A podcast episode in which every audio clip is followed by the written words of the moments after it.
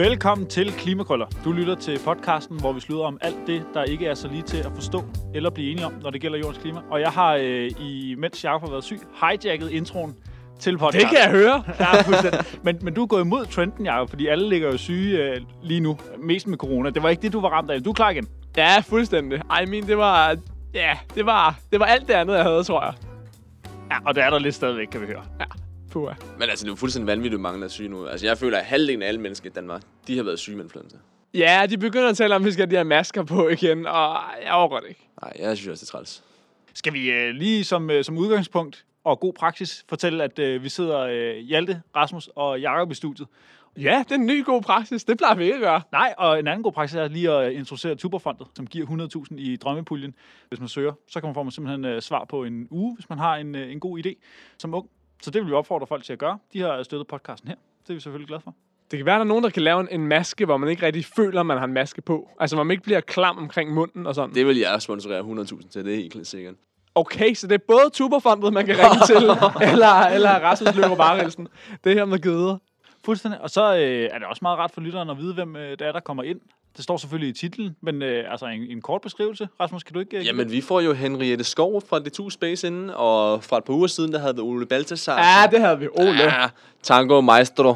Øh, og han snakker jo meget om det her med havvandsstigninger, og hvordan øh, is på Antarktis eller Grønland kan have effekt på havvandsstigninger. Men i dag skal vi altså snakke om havis, som ikke har nogen effekt som sådan på havvandsstigninger, men øh, er virkelig vigtige for, for klimasystemet, fordi der er en masse effekter, både på oceanerne, men også på atmosfæren, hvor havis er, er super vigtigt. Ej, de er sgu vilde med is op på DTU. Ja. Altså, de kan slet ikke få nok. Er DTU Space, er det, er det lidt et... Øh, Det er navn? Grønland, altså. Ja, det, ja, ja, okay, godt nok. Jeg tænker, vi skal, øh, vi skal hoppe hurtigt til en nyhed, fordi øh, introen øh, plejer vi at holde lidt, øh, lidt kort, og nu er der allerede gået lang tid med, med formalia. Vil du ikke introducere Rasmus? Jamen, det skal jeg i hvert fald. Det er nogle, øh, nogle forskere fra Norge, der har kigget på Antarktis. De har kigget på, på havis omkring Antarktis, og har ligesom regnet ud, hvad heating og cooling effekt af den her isalbedo-effekt, som vi snakker så meget om, har været fra 82 til 2018 eller noget stil. Så de har simpelthen regnet med tallene, og det var sådan, at fra 2000 til 2015, der så det faktisk godt ud med havis på Antarktis. Altså, den, den udbredte sig. Og det, de, det, de kunne måle ved øh, brug af satellitter, det var, at, øh, at det ligesom blev koldere. Øh, fordi at øh, der er mere is, som reflekterer mere sollys. Det, der så skete i år 2016... Ej, Bam! det var meget det gik galt der. Det var Trump, det var Brexit, altså havisen. Og det var også Antarktis. Simpelthen. Der begyndte det virkelig at gå stærkt med øh, havis på Antarktis. Og det har man... Altså, gå stærkt. Det smeltede. Det, det smeltede, ja. ja. Og altså, i- bare i 2021 her i maj, der så man også øh, den største, hvad skal man sige, største isbjørn, der nogensinde knækket af, som var 70 gange så stor som Manhattan. Så det, nu, nu begynder der at smelte ting øh, ved Antarktis. Men hvad, sådan en nyhed forklarer os ikke, hvorfor det er, at vi ligesom ser en ændring, et knæk. Men det, den gør, det er, at den siger, okay, så da der var meget havis, der var det koldt. Da der så var mindre havis, så var det varmere. Så var det varmere, ja. Det spændende ved Antarktis er, at der, der sker ikke det samme, som der sker på Grønland. Fordi på Grønland, der ser man kun, altså, en, en, der er selvfølgelig år, som, som stikker ud, men man ser en generel trend, der siger, at der bliver mindre og mindre havis, og det bliver yngre og yngre og yngre. Hvor Antarktis, der er det sådan lidt mere up and down.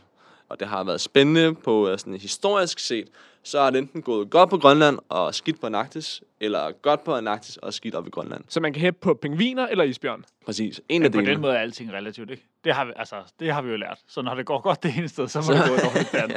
Ja. Det var uh, the law of karma, ikke? Det, Bortset fra, at jeg også synes, det er en mantra i programmet, der altid så går ud over det globale syd. Om det gør det så ikke altid, vel? Fordi hvis det går godt i syd, så går det skidt nord. Nå, men jeg tænker mere på de mennesker, der er jo ikke så mange, det er kun russere, der bor på Antarktis, ikke? Jeg tænker mere sådan det globale syd samfundene i, altså, i Sydamerika og Afrika og Sydøstasien. Der synes jeg altid, det er tungt. Men det er i hvert fald, fordi vi sidder og vinder heroppe i Norden. Altså, jeg ved ikke, kæmpe vinder. Ja, det ved jeg heller ikke, Jacob. Men jeg synes også, vi skal sige hej til Henriette. Fordi jeg tror, hun kan, hun kan vikle nogle tråde ud, som vi har lidt svært ved. Det der med forskellen på, på havis og på landis. Og der er jo stor forskel i klimasammenhæng, må man sige. Altså, Så- det skal vi lige huske på at, at høre hende om, fordi øh, det kan man da godt bøvle med, hvad, altså, hvad der er hvad, og hvad, hvad, altså, hvorfor, hvorfor, er det, hvorfor er det vigtigt, at der er forskel. Ja, altså jeg, jeg tænker, at vi bare skal have hende ind. Fordi hun kan forklare det meget bedre. Enig.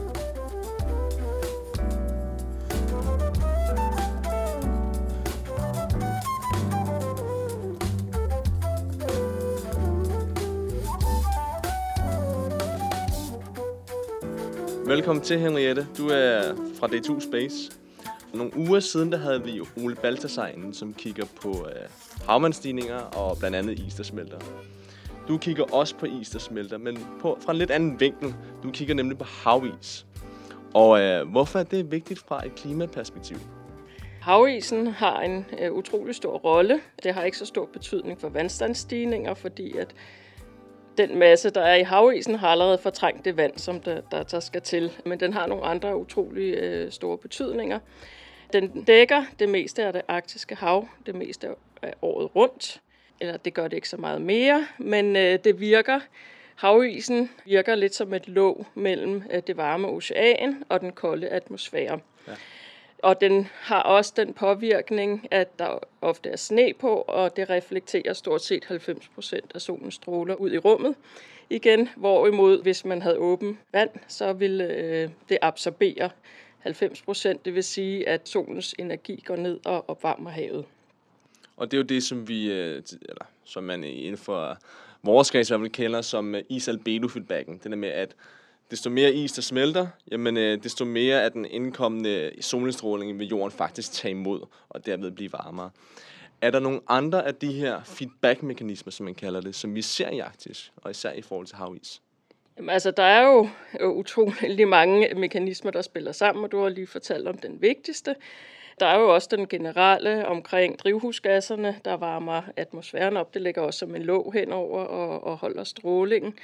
Så har vi faktisk øh, også nogle mekanismer, der går den modsatte vej, der hedder de negative mekanismer.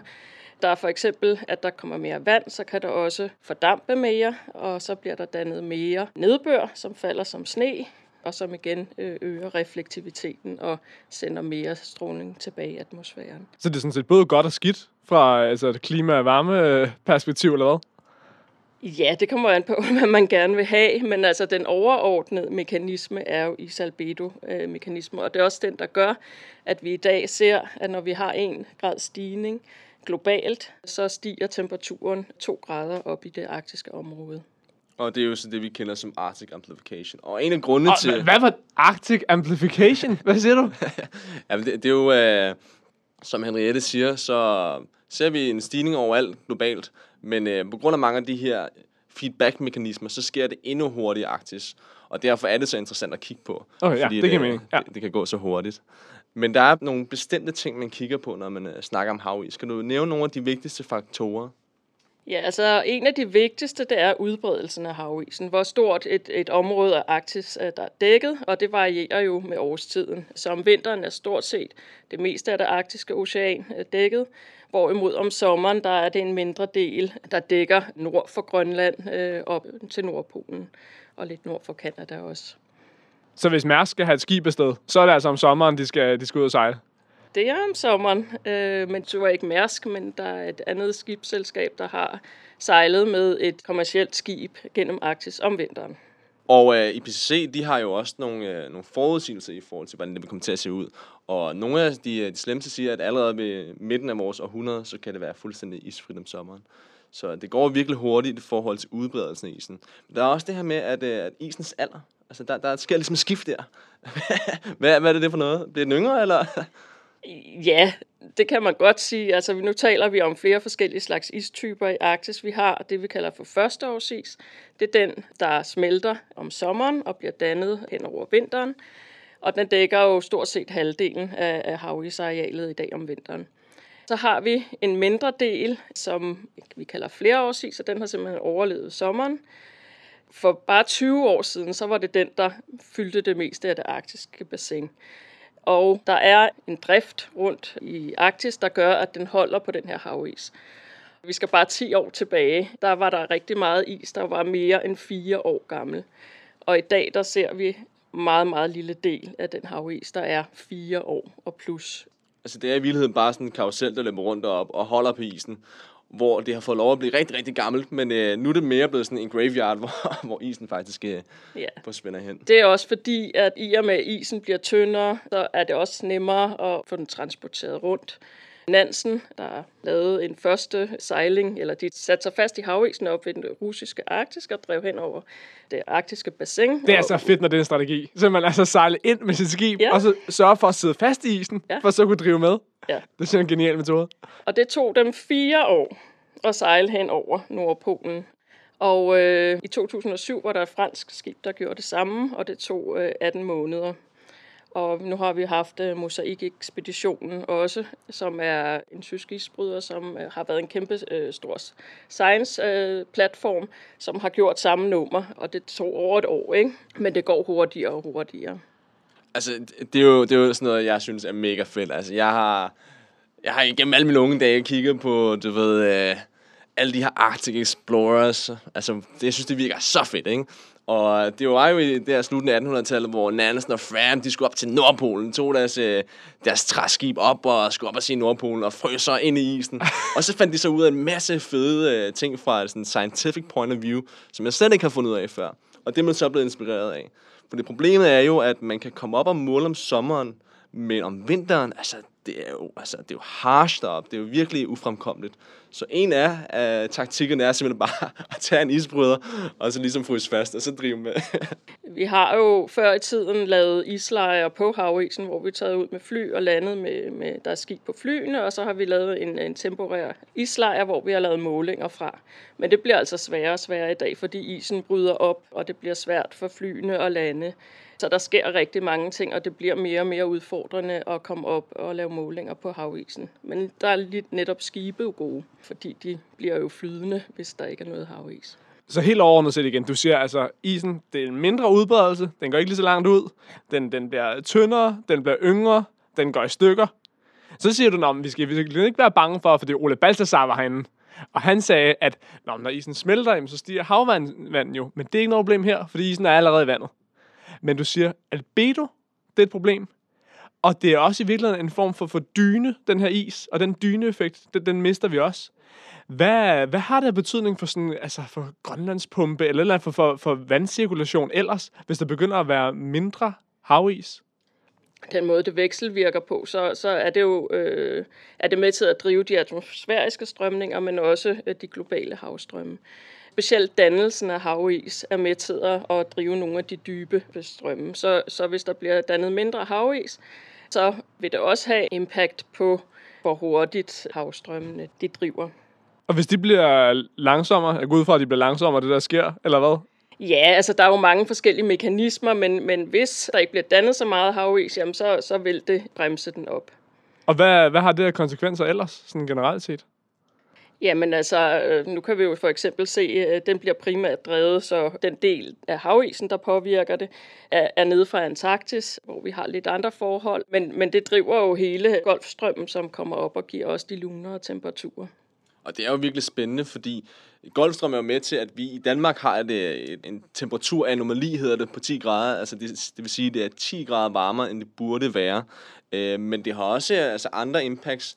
Vi hørte det, jeg kan ikke huske, om det er den her vinter eller sidste vinter, hvor Texas de fik den her mega kolde periode, fordi at, øh, at de her Rossby Waves, som det hedder oppe i Arktis, de ligesom får, de bliver lidt større og går længere ned, og det vil sige, at man, øh, altså, der er mulighed for de her virkelig, virkelig kolde temperaturer længere nede øh, på, på lavere breddegrader.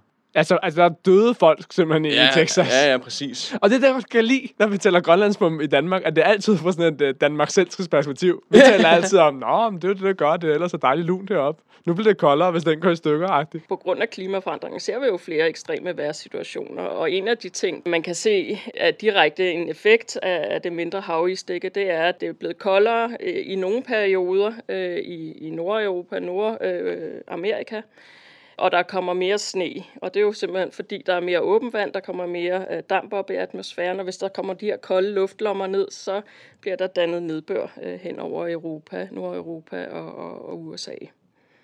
Vi snakker lidt om uh, at tage et skib og bare fryse fast i isen. men, uh, men det er vel ikke det, du primært beskæftiger dig med, uh, Henriette. Er der andre måder, man kan måle havis på? Ja, altså de metoder, der bliver brugt i dag, er jo primært for satellit, fordi at de kan flyve hele tiden, øh, både når det er mørkt og når det er skyde. Og så dækker de jo et stort område på relativt kort tid, og det kan vi jo ikke på nogen andre måder konkurrere med.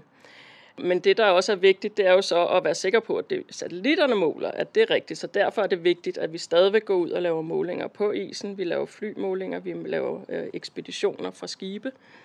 Øh, så vi kan se det, som satellitten måler for omkring 800 km højde, og det er også rent faktisk er det, som man ser på overfladen. Hvis man skulle lokke nye øh, studerende til dit felt, hvorfor skal en studerende så vælge at studere havis i stedet for, for landis? Altså, hvis vi lige øh, piller dig mod øh, Ole Balthasar, altså, hvorfor, hvorfor er det ene vigtigt i forhold til det andet? Åh, oh, altså de er jo vigtige ved at sige begge dele, og det er jo et samspil, det hele. Altså, øh, man kan jo ikke bare tage en enkelt del ud af det hele puslespil.